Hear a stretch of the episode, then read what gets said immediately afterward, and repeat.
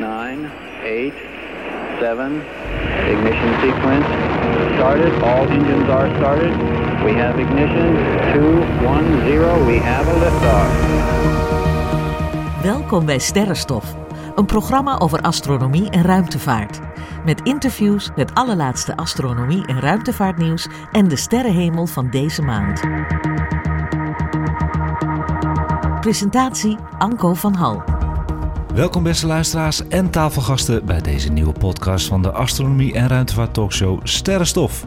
Live vanuit het Allard Amsterdam luister je naar aflevering 21. De kleine rode planeet Mars komt eens in de twee jaar heel dicht bij de aarde en dat gebeurt in december. Daarom staat deze planeet centraal als hoofdonderwerp. Maar ook in deze uitzending natuurlijk onze vaste rubrieken, de vraag van de luisteraar, astronomie en ruimtevaartnieuws in het kort, de filmtips van de maand door Abe en de sterrenhemel van de maand december 2022.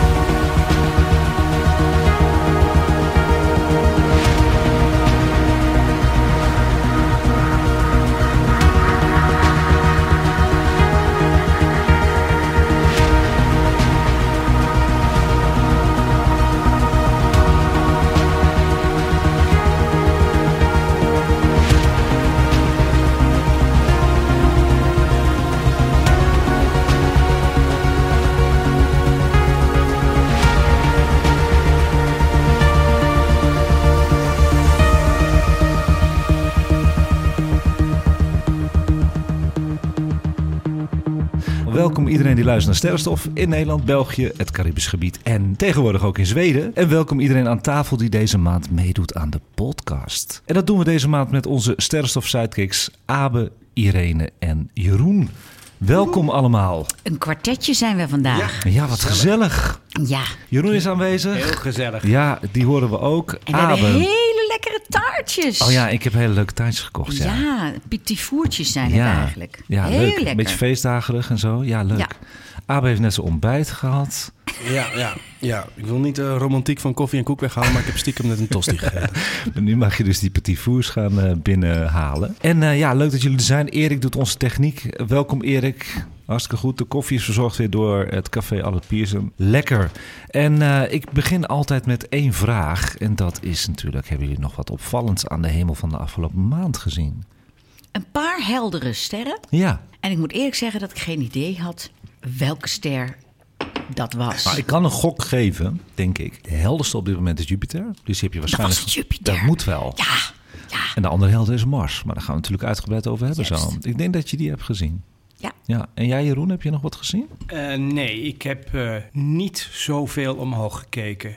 Hoewel ik ook inderdaad een paar heldere sterren heb eh, gezien. Ja. Klopt. Ik, ik heb wel wat eh, gehoord of gelezen over een, eh, het zwarte gat wat ontdekt is. Volgens mij in ons sterrenstelsel. Maar ik kan me vergissen natuurlijk. Ja, het zit niet in de nieuwtjes. Ik kan ook een filmpje erover zetten op onze sterren op YouTube. Leuke tip. En Abe, hoe was jouw maand aan de hemel? Heb je een beetje omhoog Mijn maand gekeken? aan de hemel. Nou, ik heb omhoog gekeken. Alleen omdat ik nog geen telescoop heb, eh, wist ik het niet zeker. Maar ik heb op 1 november eh, omhoog gekeken naar de maan.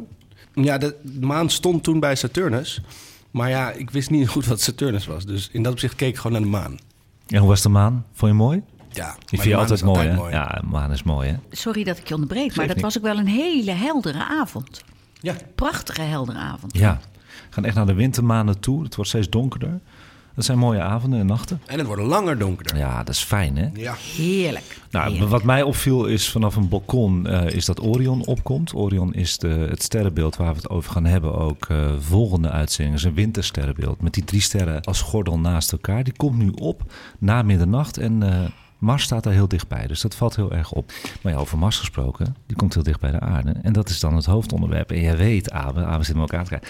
En iedereen ook, iedereen zit me aan te kijken. Dat is mijn favoriete planeet. Dus hoe fijn vind ik het dat ik het eindelijk goed over Mars mag hebben. Waarom is het je favoriete planeet? Ja, dat komt denk ik ook wel omdat ik eh, toen ik jong was heel veel boeken heb gelezen over Mars. Toevallig van de bibliotheek toen. En daar stonden plaatjes in van een vroegere Mars. En dat was zo romantisch getekend en geschilderd met kanalen, met stromend water. En het, het klopt ook. Het is nog steeds niet achterhaald. Er heeft gewoon water gestroomd op Mars. Dus gewoon H2O-water. Eh, wel zoutwater, heel waarschijnlijk.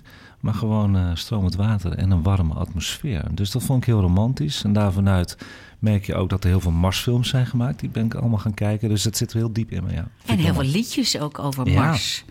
Venus en Mars natuurlijk. En Ja, dat is, ik zat op de fiets hierheen te denken, want ik wist wel dat het over Mars zou gaan vandaag. ja. Dacht ik, wanneer heb je nou, eh, heb ik nou het eerste over Mars gehoord? Dat is eigenlijk in liedjes. In liedjes. Ja, ik kan niet zo gauw een liedje de- bedenken, Niet maar... op de basisschool. Ja, eh, eh, liedjes op de basisschool, maar ook gewoon op de radio en eh, eh, eh, popliedjes. En Ja. allerlei liedjes waarin dan de planeten voorbij komen. Ja, dat klopt, ja. Ja, het is een, eh, een mooi onderwerp, omdat we allemaal letterlijk kunnen gaan kijken naar de planeet Mars deze maand december. Hij staat één keer in de twee jaar heel dicht bij de aarde. En dan schijnt hij ook heel hard. Dus je kan hem echt zien als een rood-oranje ster. Nou, toen dacht ik bij mezelf, hoe leuk is het dan als we allemaal met het blote oog kunnen gaan kijken nu naar Mars... om te weten wat de achtergrondinformatie over wat de planeet allemaal heeft... en wat er allemaal aan de hand is op dit moment op Mars. Jeroen, wat weet jij van Mars? Nou, eh, niet zoveel, behalve dat de rode planeet is. Ja. Dat er waarschijnlijk zijn ze op zoek eh, water onder de oppervlakte zit. Eh, Nou, dan weet je al heel veel. Je had het net over Venus en Mars. Dat zijn natuurlijk ook twee Griekse goden. Hè? Ja. Ik weet niet wie naar wie is genoemd, maar het is in ieder geval al heel lang bekend. Hè? Klopt. Venus, de, de godin van de liefde, en Ma- Mars, de, godin- de god van de oorlog. Ja, Romeinse god van de oorlog. Ja, dat, dat hebben ze weer van de Grieken. Ja, dat hebben ze dan weer van de Ja. Grieken. Ja, Nou, dat is wat ik weet. dat, is, nou, dat vind ik al heel wat eigenlijk. En Abe? Ik denk het enige dat ik weet is dat we op een gegeven moment als mensheid ehm, eh, Mars gaan terraformen. Hey, Wat? terraformen. Wat is Ja? dat, Abe? Wat is dat? Ehm, daar gaan wonen en het je thuis maken. Ja, klopt. Bewoonbaar maken van een planeet. Ja. Wauw, alsof we dat dagelijks doen. Ja, dat is... nee, ehm, maar dat vind ik dat daar een woord voor hè? staat. Ja, dat is Een, een woord voor. En er zijn ook heel veel groepen die dat willen doen. Elon Musk wil dat uiteindelijk ook doen. Ja, Die sorry. moeten we Maar hier is het niet niet meer gewoon- laten vallen, hoor. Ja, maar die gaat toch het eerste naar Mars. Dus die gaan we wel laten vallen. Maar is dat niet gewoon... Gaat dat niet gewoon gebeuren? Of is zijn er nog kansen dat dat gewoon nooit gaat gebeuren? Want dat lijkt me toch gewoon... Op een gegeven moment gaan er gewoon mensen wonen. Dat is wat ik denk. ja, Maar ik heb wel eens een, ik geloof een documentaire gezien van Ja. iemand die, die zijn hele leven daaraan besteed heeft om daar naartoe te gaan. Dat Ja. vond ik eh, wel eh, bijzonder eigenlijk. Ja, er zijn heel veel Marsgekkies. Ik ben niet de enige inderdaad, ja. Hoe- Ja, maar hoe- het is nog een verschil tussen of je heel erg dol bent op Mars en daar alles wat ermee te maken heeft. Of dat je echt je hele leven in het teken stelt van te terra Vormen. voor Terraformen. terraformen. Ja, het eh, maken van de aarde op een andere planeet, ja, eigenlijk. Ja, bewoonbaar maken. Dus de atmosfeer dikker maken en alles op en eraan. Ja, weet je, het leuke is, ik heb daar namelijk een leuke film van gevonden op YouTube. En ons YouTube-kanaal die eh, gaat grote hoogte ook dankzij Abe's filmtips van vorige keer. We hebben er 100 bij gekregen, Abe. Nou, wat leuk zeg. Gefeliciteerd, 100 abonnees erbij. We zitten nu op 220 abonnees op onze Sterrenstof-kanaal. Nou, Nou, gefeliciteerd. Ja, dat is heel leuk. Wat superleuk dat mensen daar... Dat, dat, nou, dat leuk. Ja, we hebben veel berichten gehad over ons YouTube-kanaal. Want mensen gaan na de uitzending allemaal massaal eh, films kijken. dus het heeft een bepaalde volgorde. Mensen luisteren naar Sterrenstof en daarna willen ze de beelden zien. En dat snap ik. Dus ik heb een mooie terraforming film gevonden. Oh, gaaf. Die staat er nu op. Dus mensen kunnen, wanneer ze maar willen, even kijken naar de Oh, dan ga terraforming. ik ook even naar YouTube-kanaal om te kijken. Nou, en, en het is natuurlijk de donkere maanden. Dus je gaat heerlijk nestel je op de bank. Ja. Met een kopje thee Ja. en een dekentje. En dan ga je lekker een film kijken. Zeker weten. En, en weet je, ik eh, heb wat artikelen gelezen over dat Mars dicht bij de aarde is. hè. Ze noemen het de rode kerstster. Dat vind ik toch wel echt wel heel gezellig. De rode kerstster. Heel cute. Why not? Hoe groot is Mars, denken jullie? Is die groot of niet groot? Groot. Wow, gek dat ik daar nooit over nadenk. Oké, ik ga... En dat is heel Wilde interessant. ja. Dat is heel interessant. want Heel veel mensen beseffen eigenlijk niet dat Mars helemaal niet zo groot is. Met een straal van 3390 kilometer is Mars ongeveer half zo groot maar als de aarde. Maar vind ik toch nog steeds groot. De helft van de aarde. Ja. Kan er goed op leven. Het is niet zo klein als de maan bijvoorbeeld. Als de aarde nou zo groot was als een 2 euro munt, dan zou... We hebben hier framboos, ja, op dat taartje. Ja, Dan is eh, Mars zo groot als die framboos. Zo moet je het een beetje zien. dat is wel heel leuk. Ja. Ja, kan je en- dan ook hoger springen op Mars? Ja, want de zwaartekracht is ongeveer maar 38% van de zwaartekracht van de aarde. Dus je weegt een stuk minder. Dus we hoeven niet op dieet daar. Dus dat is, Ik dat is wel nog een taartje. Ja, het, va- het valt me wel op. Hè. Ik heb een favoriete film over Mars. Dat heet The Martian met, eh met Damon. Dat is een mooie film. En, en daar, daar zie ik toch niet zo goed dat hij eh, wat lichter loopt. Dat moeten ze toch wel eigenlijk in die film zetten. Want 38% is niet zoveel natuurlijk. Het is dus zo, mocht het ooit zijn dat eh, Mars een, een- een buur wordt waar ook, waar ook wezens op een gegeven moment gaan wonen. Ik, zou, Mhm. ik weet niet of ik ze mensen mag noemen, want misschien gaat het op een gegeven moment veranderen. Nee, ja, maar als mensen Oh. daar geboren worden... Ja, oké, misschien zijn het wel mensen dan, maar... Is interessant. Je bedoelt als ze daar geboren worden, gaan ze er anders uitzien ook natuurlijk. Door de Ja, omdat ze, omdat ze geboren worden met de, de omstandigheden daar. Dus min, minder zwaartekracht, minder spieren, Ja. weet je wel. Ja. Maar daarom dacht ik, als je dus eh, als, als aardbewoner naar Mars gaat... dat kan je best bezoeken. Maar andersom is best wel moeilijk. Mhm. Is ook zo. Andersom is moeilijk. Ja, dat is natuurlijk inderdaad. Dan, heb je, dan, dan ben je gewend aan andere voorwaarden. Nou ja, Net, Eh, de- eh, die, die eh, ruimtereizigers die in zo'n ruimtestation zitten, die, die kunnen niet looppassen terugkomen. Klopt. die worden uitgetild altijd. Ja, en de- de- dus het is eigenlijk voor lange tijd zal het niet zo gunstig zijn eh, voor het menselijk lichaam. Ja. Want de Nou ja, bot, eh, botstructuur wordt minder of niet aangemaakt en de spieren gaan inderdaad Ja, weg. exact. Hoeveel manen heeft Mars? Drie. Mars heeft twee manen shit. en ze heten Phobos en Deimos. Beide hebben een onregelmatige aardappelachtige vorm en hun banen liggen relatief dicht bij de planeet. Mogelijk zijn deze twee manen door de zwaartekracht van Mars ingevangen planetoïden. Zo zien ze er ook wel uit. ingevangen. Planetoïden, ja. Wat bedoel je met ingevangen? Het kan ook zijn dat je manen vangt, zoals Jupiter dat heeft gedaan. En dat kan als de zwaartekracht goed genoeg is of groot genoeg is, dan eh, kun je die planetoïden, als ze dichtbij komen, kunnen die de baan krijgen om Mars heen. Dan zijn het satellieten van Mars. Wat ik leuk vind, is dat bijvoorbeeld Phobos een omlooptijd heeft van slechts 7 uur en 40 minuten. Nou, wat betekent dat nou? Deze maan is dan goed zichtbaar vanaf Mars. Hij komt dan op in het westen en gaat onder in het oosten. En 11 uur later komt hij alweer op. Ja, want hij hoeft natuurlijk maar de helft van de afstand af te Ja, leggen. een waarnemer op het Marsoppervlak zal de maan elke dag dus drie keer zien opkomen en ondergaan.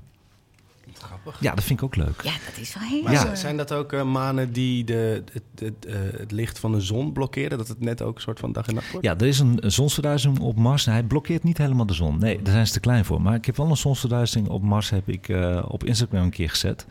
En die heeft, de Perseverance heeft dat gefilmd. En dan zie je echt zo'n rotsblokje zo voor de, voor de zon gaan. Dat is heel leuk. Maar hij verduistert niet helemaal. Nee, precies. En dan heb je ook nog Deimos. Je hebt nog een maandje. En die heeft een omlooptijd die dicht bij de rotatieperiode van Mars ligt. Dus ruim 30 uur. Vanaf Mars gezien komt deze maan in het oosten op. Maar doet er bijna drie dagen over om weer onder te gaan. En doordat de baan van Deimos verder van Mars vandaan ligt, is deze maan vanaf Mars slechts zichtbaar als een heldere ster. Hij is zo klein en staat zo ver weg dat je hem ziet als een heldere ster. Dus helemaal niet als een Maar dat maangestalte. is echt heel ver weg. Dat is heel ver weg. Maar hij is ook klein, hè? Ja, hij is klein en Ja. hij is ver weg. Ja. En hij maakt dus daardoor een hele grote... Grote ronde. baan, ja. Ja. Kun je je voorstellen, hè? En je zei net 30 uur. Is dat dan het etmaal op Mars? Nee, en dat is het leuke. Een dag op Mars duurt bijna net zo lang als eh, die op aarde. Dat is heel toevallig natuurlijk. 40 minuten langer maar. Dus 24 uur en 40 minuten duurt de dag op Mars. Maar dat, dat, zeg maar, een dag en nacht, dat heeft toch gewoon simpel, simpelweg te maken met de rotatie van de planeet? Ja, maar het is in geen enkele planeet in het zonnestelsel precies hetzelfde als op de aarde. Nee, ja. Dus dat is heel fijn als je daar gaat wonen. Hoeven we daar niet aan te wennen. Nee, dat is top. nou, kunnen we daar alvast eh, blij mee zijn als we Nou ja, gaan? als je het vergelijkt bijvoorbeeld, kan ik wel even zeggen... een dag op Venus duurt 116 dagen en 18 uur. Dat is niet te doen. Nee, dat is grimmig. Dan heb je wel wat slaaptekort, ja. Je hebt Ja. slaaptekort. Dus het is, dat is wel heel gunstig als we daar gaan wonen op Mars. Fijn. Even over die grotere maan van Mars. Hè, die Phobos, die je wel echt ziet als een, als een schijfje, zou ik maar zeggen. Hij komt steeds dichter bij de planeet te staan met een snelheid van ongeveer 2 centimeter per jaar. Dat betekent dat hij over 50 miljoen jaar zal neerstorten op Mars. Oeh. En dan uit elkaar gaat vallen en dan zelfs een ring gaat vormen om Mars heen. Maken we allemaal niet meer mee, maar dat hebben ze al kunnen voorspellen met computeranimaties. En daar zouden die terraformers ook rekening mee moeten houden. 50 miljoen jaar, dan eh, is de mens helemaal geëvolueerd tot eh, stof. ik weet het niet meer. ik weet niet of wij nog bestaan over Een 50 miljoen soort jaar. cyber gebeuren. Ja, waar Het het, eh, cyber gebeuren, ja. ja. Hebben we inmiddels eh, weer een andere eh, planeet gejumpt. ja Waarschijnlijk weer of maandjes van Ja. planeten, weet je wel. De atmosfeer en temperatuur hebben we het een beetje over gehad. Jij weet wel, hè? De atmosfeer van Mars, had je iets over gelezen? Ja, daar heb ik iets Irene. over gelezen. Maar ja, eh, ja, wat, ja het, ehm, de dampkring van Mars lijkt raar genoeg op de dampkring van de aarde. Wauw, wat, wat betekent En dat? dat heeft te maken met het feit. Ik kom er zo op terug. Je hebt wel een beetje gelijk. Oh, Hij lijkt het meeste op de aarde van alle planeten, de dampkring. Maar hij is wel ijl. Het is een ijle dampkring. ja, dat is heel veel stof. En er is ook heel veel stof, ja. Ja. En daardoor, eh, eh, daardoor is het wel verschillend. Maar het feit dat er dus echt een soort dampkring is, daarin lijkt hij het meest op de aarde. Zeker. Maar betekent dat ook dat er eh, zuurstof dan voorkomt? Er is zuurstof, maar niet genoeg voor ons om te ademen. Er is ook geen ozonlaag, dus het is ook best wel gevaarlijk qua radiatie daar. Eh, de temperatuur op Mars kan tussen de min 140 graden tot 20 graden plus in de zomer variëren. Dus in de poolwinter is het min 140 graden op Mars. Dat is echt berenkoud. En eh, op de Evenaar in de zomer is het gewoon een comfortabele 20 graden. Dan is het wel zo, er is heel weinig waterdamp en weinig luchtmoleculen op Mars. Dus min 70 zou aanvoelen als min 34 daardoor. Wow, dat, dat ik wist dat het kon verschillen, maar zo erg? Dat nee, dat was voor mij ook helemaal ja. nieuw. Leuk is dat, hè? Wat vet. Ja, mijn nieuwe weetjes. En even terug te komen op Irene. Want ik luister altijd heel goed naar Irene. Ze heeft inmiddels de bril opgezet. Dus die is gaan onderzoeken hoor. Ik weet het zeker. Dat eh, die stof hè, waar je het over hebt, dit zijn stofstormen, dat is eigenlijk een opvallend seizoensgebonden klimaatverschijnsel. Deze stormen kunnen heel klein zijn, maar ze kunnen, en dat is nergens op eh, geen enkele planeet behalve Jupiter, maar dat is een gasplaneet, kunnen ook over de hele planeet kunnen ze komen. En dat heb ik zelf persoonlijk, kan ik jullie vertellen, gezien door de telescoop in 1988. Toen had ik een grote telescoop. Toen ben ik gaan kijken naar Mars. Toen stond hij ook dicht bij de aarde in de zomer. En ik zag die poolkappen mooi. En ik zag de donkere vlekken op Mars mooi door mijn telescoop. Dus ik was heel blij. En een uur later ga ik kijken en ik zie geen poolkappen meer. En ik zie geen donkere vlekken. Dus ik denk, oh, dat is bewolking. Maar het was nog steeds zo helder. Toen ben ik sterrenwachter gaan bellen, want het was nog geen internet natuurlijk. En die zeiden, ja, wij zien het ook. Er is een eh, globale storm aan de hand. Wow, wat Heb ik gewoon live gezien. zeg. Cool dat je dat eh, op dat moment hebt gezien, zeg. Ja, dus Ja. het blijft in mijn... Ja, ik zeg het je, Mars is voor mij alles. Ja, ja wat, eh, wat ik me nu weer herinner van het artikel wat ik heb gelezen, Ja. is dat eh, men rekening moet houden als men dus eh, eh, karretjes, fotografiekarretjes Ja. stuurt naar Mars, dat door die stofwolken eh, de zonne-energie eh, moeilijker opgeladen wordt, omdat er natuurlijk allemaal eh, stof Klopt. op die panelen komt. En daar zijn ze nu ook mee bezig om daar eh, een soort van eh, blaasmachientjes of wat dan ook, om te kijken of ze die, die karretjes die rijden op zonne-energie, Ja. of ze die stofvrij kunnen houden. Ja, Dat was toch ook laatst een nieuwtje, of een paar maanden geleden had je dat als nieuwtje in uh, Sterrenstof? ja, de Insight heeft daar last van. Dus die dooft heel langzaam uit daardoor. Dat heb Ja. jij heel goed, ja. Ja, ja, ja, als een kaarsje had je Als een kaarsje, ah ja. Dat je. Ik ben echt romantisch, hè? Is het nou, is, is eh, het, het, eh, het einde van dat rovertje, is dat nou, eh, gaat dat sowieso gebeuren of is het dus nog te redden? Het zou te redden kunnen zijn, want daar heb ik ook allemaal artikelen over gelezen. Want ik was heel erg met de Insight ook bezig weer. Ja. Als er een goede storm overheen gaat, dan kunnen ze het opeens weer doen. Zoals de Curiosity rover heeft er geluk gehad dat er volgens mij een keer een storm overheen is gegaan. Dus die rijdt nog steeds na tien jaar. Dat is ongelooflijk Of als er iemand met een schoonmaakborsteltje even langs gaat. Maar dit vind ik dus, dat vind ik zo interessant wat je nu zegt. Hè? Het is zo, ik snap niet dat je vanaf 1971 daar naartoe gaat, ja, met die ruimtevaartuigen. Dat je weet dat er stof is en dat je nog steeds geen ruitenwissertje hebt gemaakt. Er zoveel mensen aan Ja, meewerken en niemand zo denkt, laten we een ruitenwissertje erop plakken. Vind je het niet raar? Nou, het zal vast een reden hebben, want ik kan me niet voorstellen dat ze er niet aan denken. Maar ik vind Maar het als je, inderdaad ook apart. wat, wat- hoezo? Ik bedoel, als je een robotarm kan laten bewegen, kun je toch ook een ruitenwisser laten bewegen over dat eh, zonnepaneeltje? ja, of een soort, soort ventilatortje. Die, eh, die dat stof er niet eens op laat komen, maar die dat stof wegblaast. Nou, luisteraars, jullie luisteren allemaal massaal. Luisteraars, jullie weten vast wel het antwoord hierop. Ja, dus mocht laat iemand van NASA luisteren, alsjeblieft. ESA NASA mag ook. zelfs. Ja. ESA mag ook.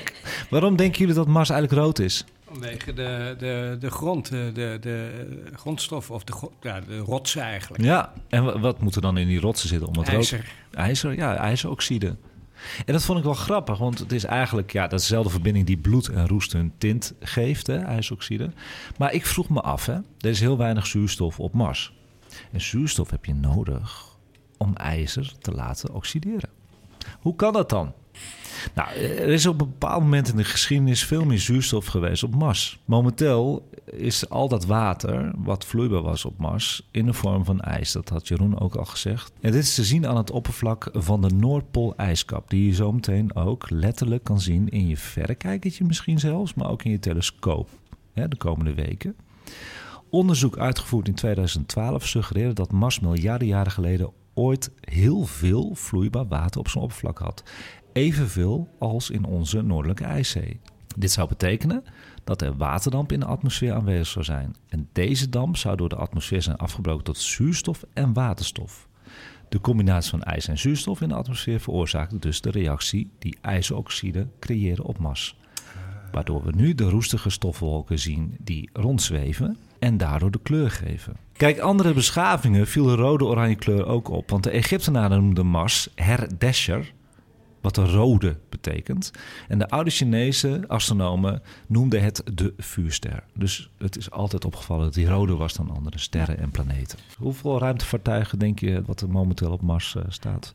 Op dit moment? Ja, doe ze een gok. Vanaf 1971 eh, zijn ze daar naartoe gegaan Tien. om te landen. Jij zegt 10. Ehm, Als prijsje krijg je een petit four van me. ik denk 17. 17. Acht. En jij 8. Erik? 12. 12. Ja, je- als je dat allemaal bij elkaar optelt, zit je volgens mij precies goed. Damn. Gemiddeld 15. Ja, jij zit dichtstbij? Ja! Ja. Iedereen zit Bij elkaar dichtstbij. op. Oh, ik dacht... Ja, maar dan oh, een gemiddelde, dan zit je ongeveer op je Oh, 15. Ja, nee, echt waar. 15 stuks eh, zijn op eh, Mars geland. Staan er ook nog steeds te roesten, eigenlijk. Zijn sommige inactief? Ja, nou eigenlijk... ehm, De meeste. De meeste zijn inactief natuurlijk ook door die stof. Hè? En ook door de... Ja, ze hadden vroeger helemaal niet goede batterijen. Die waren gewoon op een gegeven moment op. De zonnecellen die waren er ook nog niet toen. En gecombineerd zou het totale gewicht aan aardse spullen op Mars nu 9470 kilogram zijn. Oeh, dus we hebben hem al aardig vervuild. Ja, maar verspreid over die planeet merk je het niet hoor. Ja, maar die terraformers moeten meteen met vuilniszakjes in de weer. Ja, dat denk ik ook. Ja. Er zijn trouwens nog zes rovers op de rode planeet, waarvan eh, de vijf eigendom zijn van NASA. Dat er- zijn de Sojourner, de Spirit, de Opportunity, Curiosity en de Perseverance. Daar hebben we het over gehad, die laatste, in aflevering 2 van ehm, Sterrenstof. En daarvan, dat is het antwoord op Abe, werken er nog maar drie. Ah, Ja. Er werken er nog maar drie Ja. van de 15. Ja, Dat is weinig. en dat zijn de rovers. En dat is de Curiosity. Nou, dat is een uitzondering. Die werkt al tien jaar. Dat hadden ze nooit verwacht. De Perseverance van vorig jaar, die daar is geland natuurlijk. En de Chinese Zhurong, die werkte ook. Krijg ik niet zoveel beelden van hoor. Die, die houden heel veel dingen bij zich. Maar je kan wel googlen en dan zie je wel wat foto's van de Zhurong. Dus nog één keer de Curiosity. Ja, de Perseverance en de Chinese Zhurong. Zurung. Zhurong, ja. Wat is echt een mooie feature op Mars? Een hele grote vulkaan. En dat is de grootste van het zonnestelsel. En die heet de Olympus Mons. En die berg is 21 kilometer hoog. Wow. Dat is 2,5 keer hoger dan de Mount eh, Everest. Jeetje. Ja. Vond ik wel leuk om te benoemen, want het is de grootste van het hele zonnestelsel. Maar werkt die nog? Nee, die werkt niet meer, is dood. Ja, ja, dat is dood. Heb je dan veel aardbevingen op... eh, Op Mars. Nou, dat is wel leuk. Zullen we daar gewoon naar luisteren, naar die aardbeving? Oh ja? Ja. De- wauw. Ik heb, eh, nou, dat vind ik wel een hele leuke. Eh, Even voor de luisteraars. hè. Abe weet mijn script niet. Irene ook niet, Jeroen niet. En op een of andere manier pakt hij steeds waar ik over ga beginnen. Nou, Dus fantastisch. we zitten goed, eh, goed in de flow. Ik ben heel benieuwd naar te de worden. aardbevingen. Het Ja, begint wel een beetje eng te ja, worden. hij is soms wel een beetje eng. nou, hoe klinkt Mars? Nou, elk planeet heeft zijn eigen geluid. Ik heb wel een volgorde. Zo meteen komen we naar die Ja, aardbeving. doe- Laten we lekker Ja, ja, leuk. aan. Want planeten produceren allemaal elektromagnetische straling. En elektromagnetische straling kan door een ruimtezonde omgezet worden naar geluid. Het resulterende deuntje kan erg vreemd in de oren klinken trouwens, moet je zo maar luisteren. Beetje nageestig, een beetje buitenaards en vreemd. Maar het is wel echt een heel mooi geluid. Dus Mars als planeet klinkt zo. En even voor de luisteraars. Het mooiste is dat je het even doet met je koptelefoon op.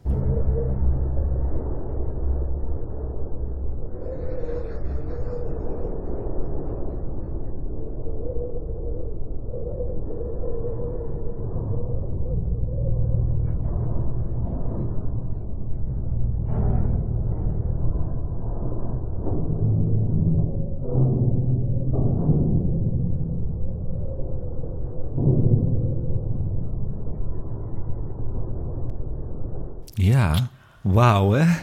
ja, man. ik kreeg gewoon toen ik het hoorde kippenvel. Maar dit, zo klinkt dus echt Mars. Het is Ja, echt het geluid ik- van een je wil gewoon dat planeet. niet dat het stopt. Nee, het is prachtig toch? Het is waanzinnig. Het hele filmbeelden komen voorbij. Nou, ik zal je vertellen, ik heb dit dus eh, op YouTube geript. Maar dat is een filmpje en het heet All Planets Sounds of Space. En dan hoor je dus alle planeten van de zonnestelsel... en die hebben allemaal een eigen geluid. Dus Jupiter klinkt heel anders weer dan Mars. De aarde klinkt ook weer anders dan Venus. En dat filmpje staat nu op onze sterren op YouTube... en dan hoor je ze allemaal achter elkaar. Dus elke planeet heeft gewoon zijn eigen planetengeluid. Ho- hoe komen ze eraan? Dat zijn ruimtevaartuigen die dus naar die planeten zijn gegaan... die elektromagnetische stralen hebben opgenomen... en daar dat om hebben gezet naar geluid. En je hebt elektromagnetische straling, dat heeft een frequentie... en dat hebben ze gewoon vertaald naar de frequentie van audio. Ja, Oké, super gaaf. Ja, elektromagnetische geluiden komen bijvoorbeeld op aarde voor bij pollicht en zo. Hè? Als de zonnewind zo over de atmosfeer gaat. Is dat een goed voorbeeld? Dat is een goed voorbeeld. Ja, maar het is zo technisch dat ik dat niet ga uitleggen hoe ze dat omzetten natuurlijk. Nee, nee, nee. nee. Maar ze zetten dat om en het- dat, al die planeten zijn achter elkaar gezet, die geluiden. Nou, je weet niet wat je hoort. Er is er eentje bij en nou, ik kreeg daar gewoon... Ik vond het zo'n vervelend geluid. Ik kreeg er zo'n raar, oervervelend gevoel bij. Dat was Saturnus. Zo dreigend. Moeten mensen maar eens even naar luisteren. De aarde had nog wel iets natuurlijks. Maar Saturnus vond ik heel eng. Ik vind het wel heel mooi dat, gewoon, dat door dit worden die planeten veel eh, eh, persoonlijker. Of Ja, vind ik dat? ook. Persoonlijker, ik weet niet of dat het woord is. Nou ja, maar... we zijn er toch onderdeel van, van die natuur. Het is ook ja, natuur. precies. Maar ja, dat Ja. daarom dus... eh, ik weet niet. Ja. Heel gaaf. Ja, dus dat was hoe de planeet Mars klinkt. Maar het is natuurlijk ook wel leuk om te weten hoe het geluid klinkt op Mars zelf. Een, een aardbeving op Mars, die laat ik even aan je horen. En in deze audio moet ik wel even zeggen, hoor je drie gebeurtenissen. Hè? Ten eerste hoor je de wind van Mars, zoals geregistreerd is door de InSight seismometer. Dan hoor je de Marsquake, dus de earthquake, maar die heet natuurlijk de Marsbeving. En dan op het einde hoor je de robotarmen van het ruimtevaartuig die beweegt. Dus je hoort drie dingen.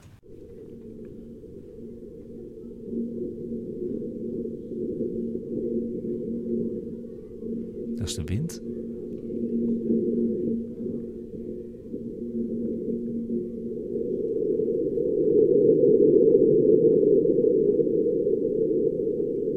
Dat is de aardbeving die eraan kwam.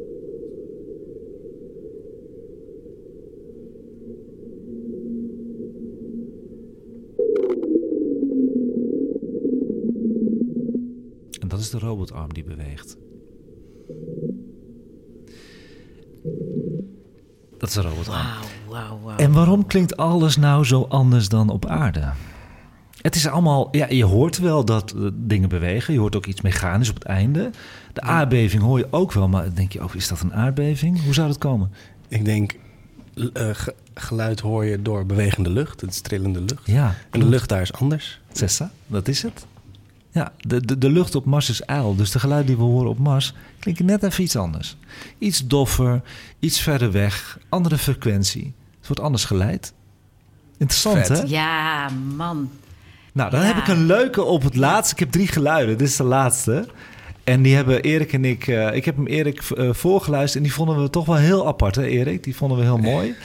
En dan hoor je, eh, ook door de Insight opgenomen... Insight is wel een van mijn favoriete ruimtevaartuigen... Je hoort een meteoor die de atmosfeer ingaat op Mars... en explodeert en neerslaat.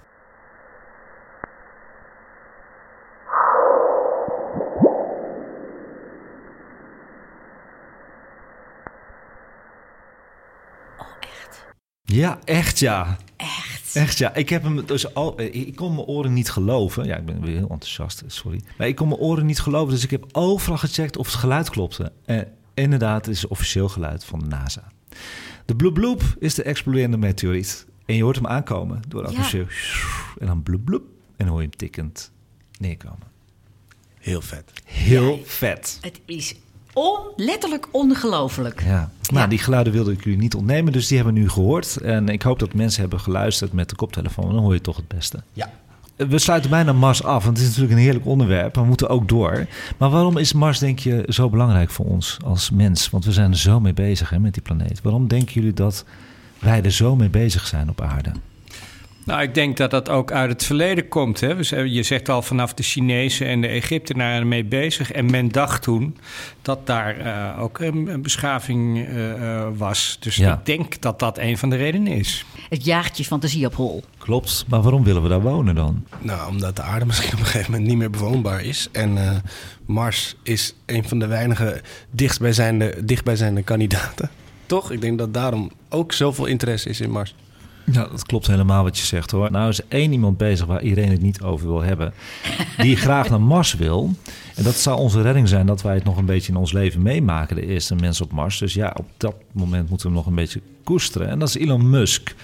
Wanneer landen we op Mars? Ja, ik denk wel in nu een tien jaar. Ja, Is dat realistisch? Jawel, toch? Ja, de NASA heeft een presidentieel bevel om tegen 2033 mensen op Mars te laten landen. Maar Elon Musk zet er veel meer druk op. En die heeft gezegd dat hij voet op Mars wil zetten in 2029. En waarom? Nou, dan staat Mars ook weer wat dichter bij de aarde, dan kom je er wat sneller. Maar het is dan ook precies 60 jaar na de eerste maanlanding, 69. De interactieve poll over Mars heb ik beloofd. Denk jij dat er leven is op Mars? 1. Nee. Mars was en is zo dood als een pier. 2. Vroeger wel. 3. Mars herbergt nog steeds leven, al is het microscopisch. Wat kiezen jullie? Irene.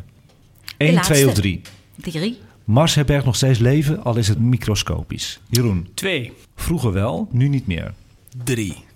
Ook 3. Mars herbergt Ja. nog steeds leven, al is het microscopisch. Ja. En dat komt Nou, omdat er zuurstof is. Erik, wat denk jij? Drie ook. Ja, ja ik zit zelf ook op drie. Ja, ik denk namelijk dat eh, omdat het eh, de, eh, heel veel leven is geweest door stromend water daar, dat het of als fossielen die we sowieso gaan vinden in de rivierbeddingen, maar ik denk dat die poolkappen, dat is gewoon het water wat bevroren is, dat daar gewoon het nog krioelt van leven, omdat je bijvoorbeeld hier op aarde in de meest ongunstige omstandigheden zonder zuurstof en licht ook nog heel veel leven kan vinden. Extremophobes. Echt, dat, ja, inderdaad. Dus dat denk ik echt, ja. En ik denk ook dat daarom iedereen naar Mars wil. Ja. Ja, Ik bedoel extremophiles, sorry. zeker. Ja, ja Extremophiles is het, ja. Dat is het, ja. Dat is hem. Ja, nog een kleine cliffhanger, hè. Als je nog niet genoeg hebt van Mars. Aan het einde van de podcast, bij de sterrenhemel van de maand... gebeurt er nog iets heel bijzonders aan de hemel met Mars. Hij staat niet alleen dicht bij de aarde... maar er komt ook een evenement aan. Dat kun je zelfs met het blote oog gaan aanschouwen. Oeh, dat komt straks. Dan gaan we nu naar de vraag van de luisteraar door Casper. Nou, Anko, daar komt hij. Ten eerste wil ik even zeggen dat ik de podcast echt super vind. Ik eh, luister er echt met genoegen naar. Ja, en wat ik graag zou willen weten is, wat zijn nou eigenlijk zwaartekrachtgolven? Hoe ontstaan deze golven? Ja, en wat kunnen we daar eigenlijk mee meten? Of wat kunnen we daar eigenlijk mee? Goed, Casper. Ik weet helemaal niks van zwaartekrachtgolven. Een boeiende vraag, zeg. Boeiende vraag, hè? Heel erg leuk. En ik ga toch de uitdaging aan. Ik ben gaan zoeken, zoeken, zoeken. En ik ben erachter gekomen wat het zijn. Dus ik ben heel blij met de vraag, want ik leer dus door de vraag van de luisteraar zelf ook heel veel dingen. In de algemene relativiteitstheorie van Einstein is een zwaartekrachtgolf of gravitatiegolf wordt ook genoemd, een fluctuatie in de kromming van de ruimte-tijd, die zich van de bron af naar buiten voortplant als een golf. Dat kun je je voorstellen. Zwaartekrachtgolven worden onder meer opgewekt als twee zeer zware hemellichamen op korte afstand om elkaar heen draaien. Dat kunnen dubbelstersystemen zijn, bestaande uit witte dwergen of neutronensterren. Kijk, neutronensterren zijn weer de eindstadium van een ster. Hoe sneller zij om elkaar heen draaien, hoe sterker de zwaartekrachtgolven worden. Kunnen we ons ook bij voorstellen, toch iets? Zo lekt er energie weg en gaan beide sterren steeds dichter bij elkaar draaien. Alle zwaartekrachtsverstoringen kunnen zich voortplanten trouwens met de snelheid van het licht. Dat is heel kort gezegd hoe zwaartekrachtgolven ontstaan. Maar ze hebben ontdekt, onlangs, dat er nog een andere bron is van zwaartekrachtgolven. En dat spreekt misschien nog meer tot de verbeelding. Want niet alleen neutronensterren komen soms als tweelingen voor, maar ook zwarte gaten vormen soms een koppel. En als die samensmelten, vindt een nog krachtigere kosmische gebeurtenis plaats. Krachtig genoeg om zwaartekrachtgolven te produceren die op een immense afstand te detecteren zijn. Die van, die van zwaartekrachtgolven zijn ook gedetecteerd, toch? Zijn nu Ja, gedetecteerd. en ook door zwarte gaten. Dus dat is een mooi antwoord al voor Casper. En ik heb hem juist beknopt gegeven omdat het heel ingewikkeld kan overkomen. Maar hij vraagt ook een tweede vraag. Wat kunnen we ermee? Om dit te weten. Dat is een leuke toevoeging. Dat is een leuke toevoeging. Nou, die vond ik wel moeilijk om uit te zoeken, maar ik heb toch een antwoord. De grote vraag is niet of dus zwaartekrachtgolven bestaan, want dat weten we nu. Want daarover bestaat onder natuurkundigen nog weinig twijfel dus. Wat de deskundigen graag willen weten is of de ruimtetijd precies zo trilt als de algemene relativiteitstheorie voorspelt. En niet op een andere manier dus. In die zin is het dus een belangrijke test voor die theorie. Want als die theorie klopt, die klopt tot nu toe nog steeds van Einstein. Fantastisch hè, dat die man dat ooit heeft bedacht. En hij klopt nog steeds met alle berekeningen. Als dat blijft bestaan, hebben we tenminste een houvast voor andere dingen. In oktober 2017 hebben wetenschappers voor het eerst een botsing tussen twee neutronensterren dus waargenomen. Bij deze botsing is goud gevonden. Gewoon goud. Dit waren de overblijfselen van twee zware geëxplodeerde sterren die beide iets meer massa hadden dan onze zon, maar niet groter waren dan een stad als Amsterdam. Deze botsing gebeurde ongeveer 130 miljoen jaar geleden. Het kan goed zijn dat het goud op aarde dus op dezelfde manier hier terecht is gekomen, door zo'nzelfde soort botsing. Maar hoe bedoel je, is goud gedetecteerd? Is het een soort van, zagen ze dat daar goud was? Of is er goud hier naartoe? Wat, is, wat bedoel je met goud Ja, gedetecteerd? ze kunnen het detecteren door metingen ook weer. Dus dan kun je elementen detecteren. Ah, oh, Ja. dus, het ze element goud hebben daar... ze. Ja, Oké, ik snap ja, het. ja. De ontdekking van zwaartekrachtgolven heeft een zeer belangrijke bijdrage geleverd aan het bestuderen van de ruimte door zijn golven. Hierdoor kunnen andere modellen worden gemaakt om het gedrag van de ruimte en al zijn kenmerken te begrijpen. Dus we hebben eigenlijk heel veel aan die zwaartekrachtgolven. Dus ja, het, ik vond het een hele leuke vraag. Het is, een, het is een opening naar nieuwe inzichten. Jazeker. Dus als je nog meer wil weten over zwaartekrachtgolven, ga even naar YouTube Sterrenstof. Ja. Welkom bij Sterrenstof, een programma over astronomie en ruimtevaart. Met interviews, het allerlaatste astronomie- en ruimtevaartnieuws en de sterrenhemel van deze maand. Presentatie Anko van Hal. Oh, het is zover. We hebben weer astronomie en ruimtevaartnieuwtjes, jongens. Is dat niet leuk? Ja, dat is leuk. Maar het is een, een volle uitzending, dus ik heb er twee. Wat ik heb gemerkt is dat mensen die vinden het heerlijk om James Webb nieuwtjes te horen. Nou, die- Natuurlijk. de laatste die ik heb gehoord, dat is dat James Webb een atmosfeer totaal heeft ontleed van een exoplaneet. En dat is de exoplaneet WASP 39b. Heb ik ooit nog wel eens over gehad in onze uitzendingen. Er is toen al wat eh, ontleed uit die atmosfeer. Maar nu heeft hij alles ontleed. En dat is wel heel spannend. Nou, deze exoplaneet WASP 39b bevindt zich op zo'n 700 lichtjaar van de aarde. En het is een hete exoplaneet die iets groter is dan Jupiter en cirkelt om een zonachtige ster. Dus een ster die heel erg op onze zon lijkt. De planeet is door de hoge temperaturen zo'n 900 graden Celsius heet en is enorm opgezwollen. Dat komt weer door de geringe afstand van de planeet met zijn moederster. Hij staat zo dicht bij die moederster dat hij acht keer kleiner de afstand is tussen de zon en Mercurius. Dan kun je je voorstellen hoe dichtbij dat is. Dat betekent ook dat de exoplaneet niet veel tijd nodig heeft om een rondje om de ster te draaien. En dat doet hij slechts in vier dagen. De korte omlooptijd biedt één groot voordeel voor wetenschappers. De planeet reist hierdoor namelijk regelmatig voor de ster langs. En tijdens zo'n planeetovergang zijpelt het licht van de ster door de atmosfeer. Dat is fijn. Daardoor kan James Webb een volledige chemische profiel bekendmaken. Ook fijn. Dat betekent dat wetenschappers atomen, moleculen en zelfs tekenen van actieve chemie en wolken in kaart hebben gebracht.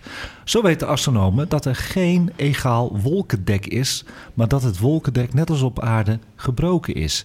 moet je even voorstellen, dat vertel ik nu zo, we zitten allemaal te knikken, ja ja. Maar een exoplaneet van 700 lichtjaar van ons vandaan, kunnen wij het wolkendek zien of die gebroken is of niet? Dat is toch mega? Dat is heel lijp. Dit is, dat is Ja. ongelooflijk. We vinden alles heel normaal worden, maar dat is ongelooflijk, toch? Alsof dat bij het weerbericht erbij komt. Dat is Ja, hem. Ja. Gewoon weerbericht van een exoplaneet van Ja. 700 lichtjaar van ons vandaan. Ja, ik vind het bijzonder. Ja, dat is heel erg bijzonder. Heel erg bijzonder. De meest bijzondere vondst is dat er zwaveldioxide in de atmosfeer aanwezig is. Verder bestaat de atmosfeer van de exoplaneet voornamelijk uit waterstof. En ook trof het onderzoeksteam natrium, kalium, koolmonoxide en waterdamp aan. Verder blijkt dat zuurstof veel overvloediger aanwezig is dan ze hadden gedacht. Astronomen zijn het erover eens dat er zo goed als zeker geen leven aanwezig is. Maar zij kunnen met deze kennis toch de James Webb gebruiken om te snuffelen aan de atmosferen van ook andere exoplaneten. Zoals kleine, rotsachtige, aardachtige planeten. Dus dit is een hele mooie oefening. Want die zijn natuurlijk veel interessanter nog om te ontleden. Want daaruit zou je kunnen zien of er bijvoorbeeld intelligente beschaving is. tweede nieuwtje. En dat is dat astronomen een soort Google Maps hebben gemaakt voor een deel van de ruimte. En, en Irene is aan het knikken. Heb jij dat ook gezien? Ja, heb ik ook gezien. Ik vond het waanzinnig. Nou ja, dan komen we ook weer bij dat weerbericht. Ja. Eh, dat we dat normaal gaan vinden. Maar dat we echt Nou. eh, een Google Maps voor de ruimte... dat is natuurlijk helemaal bizar. Het is sowieso een hele leuke interactieve uitzending voor luisteraars. We gaan maar door met interactief. Want je kan dat zelf gaan bekijken op Google. Het heet de Map of the Universe. Ze hebben dus een interactieve kaart van de ruimte gemaakt. Elk punt op die kaart is geen ster, maar een sterrenstelsel. Je kan maar liefst door 200.000 sterrenstelsels navigeren. Die echt bestaan. En iedereen kan in amper enkele muisklikken een deel van het universum verkennen.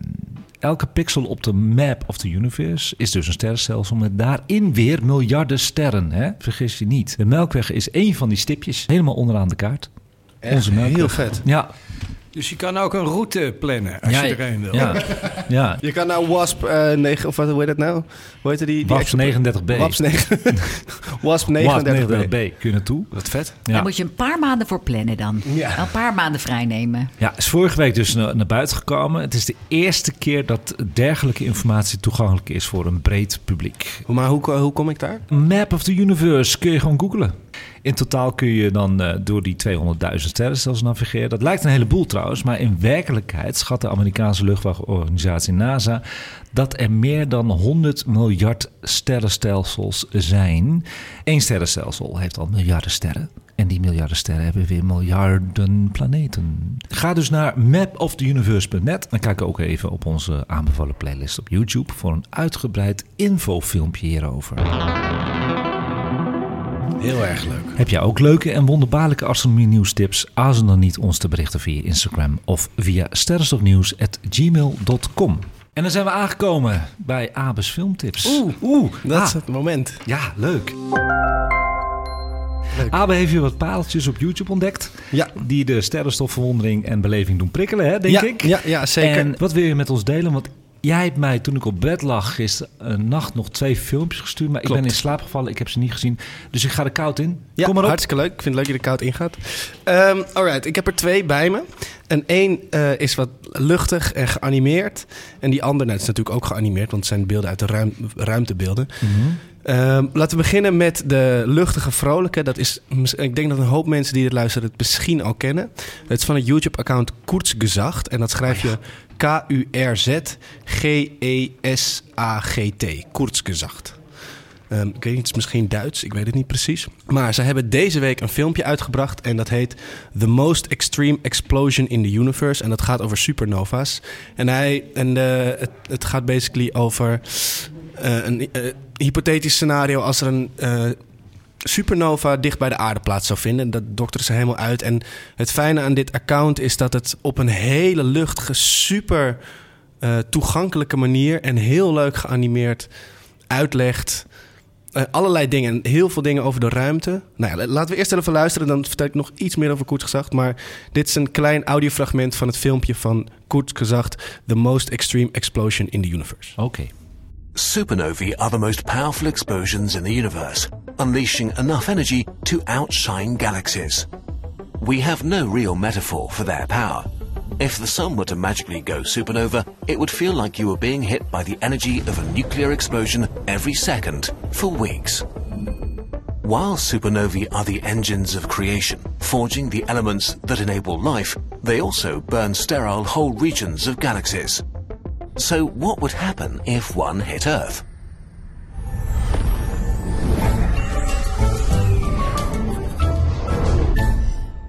Ja, dat is dus Koetsgezagd. Ja, even ik, ik wil eindigen het. na de intro. Ja. Oh, heerlijk. Goeie ja, cliffhanger, ja. Het, het mooie aan dit ac- account is ook... Ik, ik zou het echt aanraden om meer van hun te kijken. Want ehm, ze halen niet alleen onderwerpen van de ruimte aan... maar ook ehm, opwarming van de aarde... maar ook hoe, hoe het is om eenzaam te zijn. Ze hebben heel veel existentiële en grote vraagstukken... filosofische vraagstukken die ze op zo'n manier benaderen... dat ook als je het eh, moeilijk hebt... of je, je denkt over eenzaamheid of over wat is bewustzijn... weet je wel, dat leggen ze op zo'n manier uit... dat je het heel erg kan omarmen of zo. Het is zo mooi gedaan. Ik eh, Het ben en echt diep. fan van Koertsgezag. Het is breed en diep. Breed en diep. En nou ja, als ze dan een filmpje over de ruimte uitbrengen, dan word ik weer helemaal warm. Dus Ja. Koertsgezag, the most extreme explosion in the universe. Als het goed is, staat dit eh, straks in de YouTube playlist. Zeker weten. Ik ben heel Ja. erg benieuwd. Heb je er nog eentje voor me? Ik heb er nog één. En die is ook deze week uitgekomen. Ik wist, het is niet per se mijn doel om hele recente video's aan te halen, maar het is toevallig dit geval. En eentje, dat is een account dat we al kennen. Dat is vaak hier voorbij gekomen. Dat is van CSEA. Dat is een ruimtedocumentairemaker op YouTube. En die heeft, die heeft me toch een, een video geplaatst van, ik denk, 40 minuten. En het is eigenlijk een documentaire. En het heet Journey to the Edge of the Universe. En ik vind dit een van zijn Magnus Opus video's van zijn Ja, kanaal. ja, ja. Hij heeft allerlei filmpjes over dark energy en, en de, de grootte van de ruimte. Maar deze, dit is een soort van een masterpiece. Waarbij we met z'n allen in 40 minuten met prachtige beelden meegenomen worden naar de rand van het universum. En nou ja, het universum heeft misschien niet per se een rand of zo, maar voor ons het observable universe, wat is een Nederlands term ook weer? Nou, in ieder geval de ruimte tot waar wij kunnen kijken. Mhm. En hij neemt ons mee naar allerlei prachtige eh, wolken en planeten en dingen waar we. Ja, het is, het is echt. Als je s'avonds laat even lekker weg wil dromen. nou, Dat, is eigenlijk met heel veel ruimtefilmpjes natuurlijk. Maar dit, dit is eigenlijk, ik denk, een van de beste die, die, die er momenteel op YouTube staat. Het is van C, S-E-A. Het heet Journey to the Edge of the Universe. En ik heb een klein eh, audiofragment meegenomen. We live in a vast, open universe, filled with trillions of galaxies, each containing hundreds of billions of stars. Space is so enormous that we can never hope to know every galaxy. But with telescopes like Hubble and James Webb, we've mapped the positions of billions and have stared all the way out to the farthest corners of the cosmos. Today, we will use this wealth of understanding as we embark on the ultimate journey, one that will take us through all of space and time. We will venture beyond our galaxy to the farthest horizons, taking stock of the most jaw dropping and significant landmarks along the way. This is our journey, a journey to the edge of the universe. Ja, ik weet niet als je dit al hoort. Ja, Ja, impressive, ja. Nee, maar heerlijke tips, Awe. Dank je Ja, wel weer. Ik denk dat de luisteraars heel dankbaar zijn. En, en wij aan tafel zijn heel blij dat je dit weer hebt eh, opgezocht Fijn. voor ons. Dank je wel. Vanuit eh, deze filmtips moeten we natuurlijk nu wel naar boven. Ja, naar we de moeten hemel. naar boven. Ja, we gaan wat Ja. praktisch doen. We gaan naar boven ja, toe. we gaan naar boven. Goed, we gaan naar de sterrenhemel van de maand december 2022. En we beginnen altijd met de planeten. Hè? Dat doen we altijd.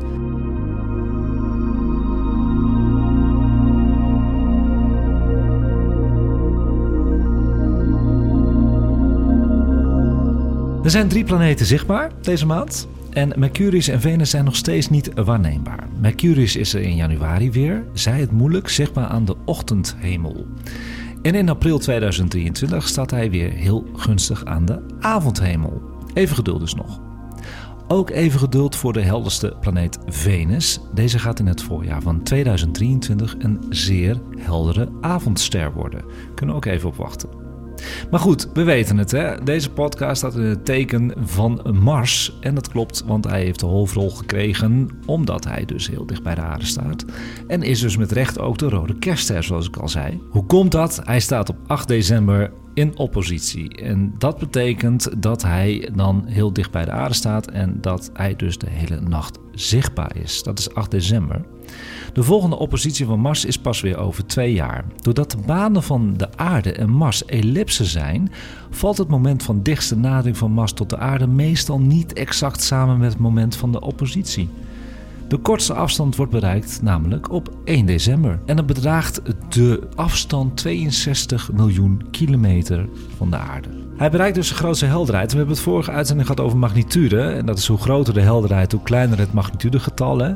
En dan wordt hij maximaal min 1,9. Dat is wel heel fel. Met een telescoop kun je dus donkere plekken zien op Mars. En de poolkap.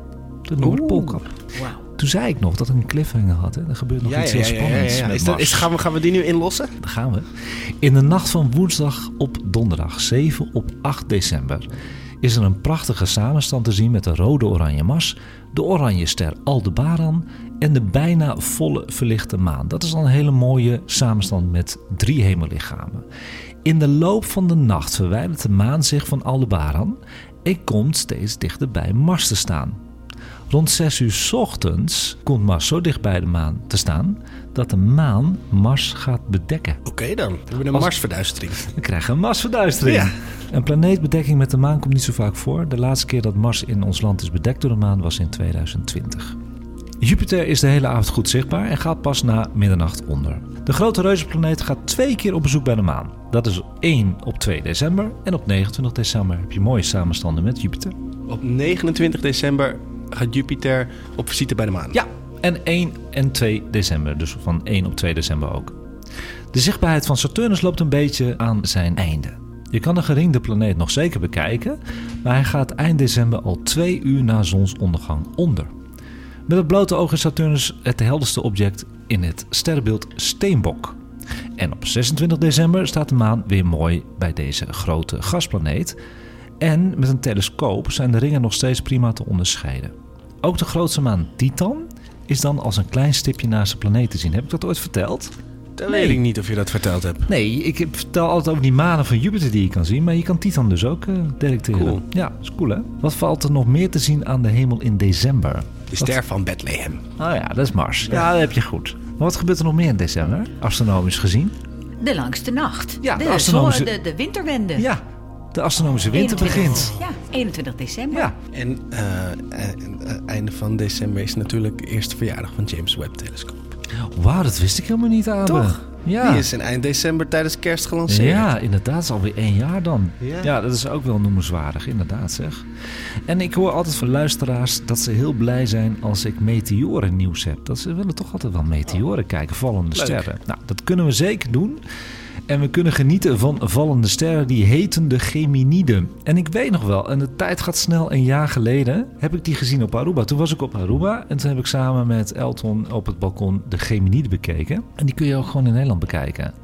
Ze heten zo omdat ze uit het sterrenbeeld tweeling lijken te komen. Die zwerm, die meteorenzwerm, bereikt op woensdag 14 december zijn maximum. Echt een moeite waard om te kijken. Want de meteoren van de Geminiden zijn gemiddeld snel, gelig van kleur, vaak helder en hebben korte sporen. Ik vind dit, eh, ik zou eerlijk zeggen, ik vind dit na de Perseïden de mooiste meteorenzwerm. Oké dan. Ja, de Geminiden is echt heel vet. Dit soort nieuwtjes mag je inderdaad lekker vaak erin gooien Nou, als ik, het er is. Ik, ik hoor het ook wel van luisteraars dat ze elke keer eigenlijk meteorennieuws willen hebben. Even een vraagje. Je zegt ze hebben andere kleuren. En, en eh, hoe komt dat, denk je? Dat komt omdat elke meteoor andere elementen heeft. En die elementen die verbranden anders in de atmosfeer. Ja. Zat het ook niet gewoon een keer in de aflevering? Zeker, Ja, en daar heb ik een audiogram Ja, van oh ja, van één minuut. En die kun je gewoon weer terugkijken op Instagram. De Geminiden zijn de één na grootste meteorenzwerm aan onze hemel. Ze zijn bijzonder doordat het moederobject dit keer geen komeet is, waar het vandaan komt, maar een planetoïde die Phaeton heet. Dus het stof komt uit een planetoïde. Dat was de sterrenhemel van de maand december 2022. En dan heb ik voor mijn vaste sidekicks aan tafel, heb ik voor Irene en Abe nog een cadeautje. En die ga ik nu even pakken. Wow. wow. Wat spannend. Ik haal de sterrenhemel van de maand altijd uit een sterrengids. Ik heb voor mijn sidekicks heb ik eh sterrengidsen gekregen van het, het maandblad de Zenit. Eh, Wat die, leuk. die brengen een eh, sterrengids uit, de mooiste van Nederland. Dat is deze. Oh, Echt dus indrukwekkend eentje mooi. voor Irene. Oh, Daar komt de sterrenhemel van de maand uit. En eentje, ze ruiken nog net vers van de pers, zijn net uitgekomen. De sterrenhemelgids van het jaar 2023. Wat leuk zeg. oh wat waanzinnig.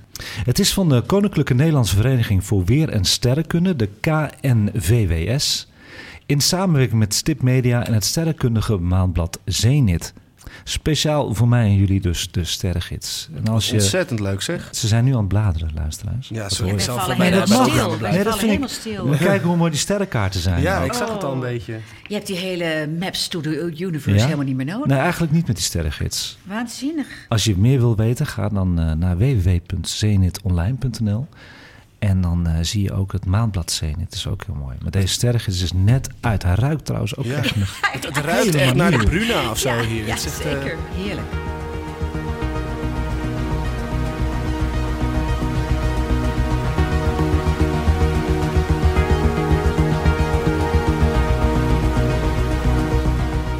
Tot zover Sterrenstof voor de maand december 2022. Weer lekker live vanuit het Allet in Amsterdam. Je kunt mij mailen voor vragen, opmerkingen en tips over astronomie en ruimtevaart op sterrenstofnieuws.gmail.com. Je kunt natuurlijk Sterrenstof vinden op Instagram met audiograms, nieuwtjes en eigen astrofotografie van de hemelverschijnselen van de maand. Volg ons op Sterrenstof Nieuws.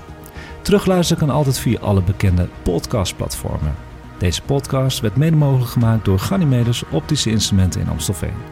En natuurlijk wil ik Abe, Irene en Jeroen bedanken voor de medewerking als sidekicks bij deze hele vrolijke, leuke uitzending. Dankjewel jongens. Graag gedaan. Ja, het was hartstikke gezellig vandaag. Ja, zeker. De techniek was in handen van Erik en de heerlijke koffie werd weer verzorgd door het café Allet Pierson. Iedereen bedankt voor het luisteren. Tot de volgende keer weer. En kijk eens wat vaker omhoog.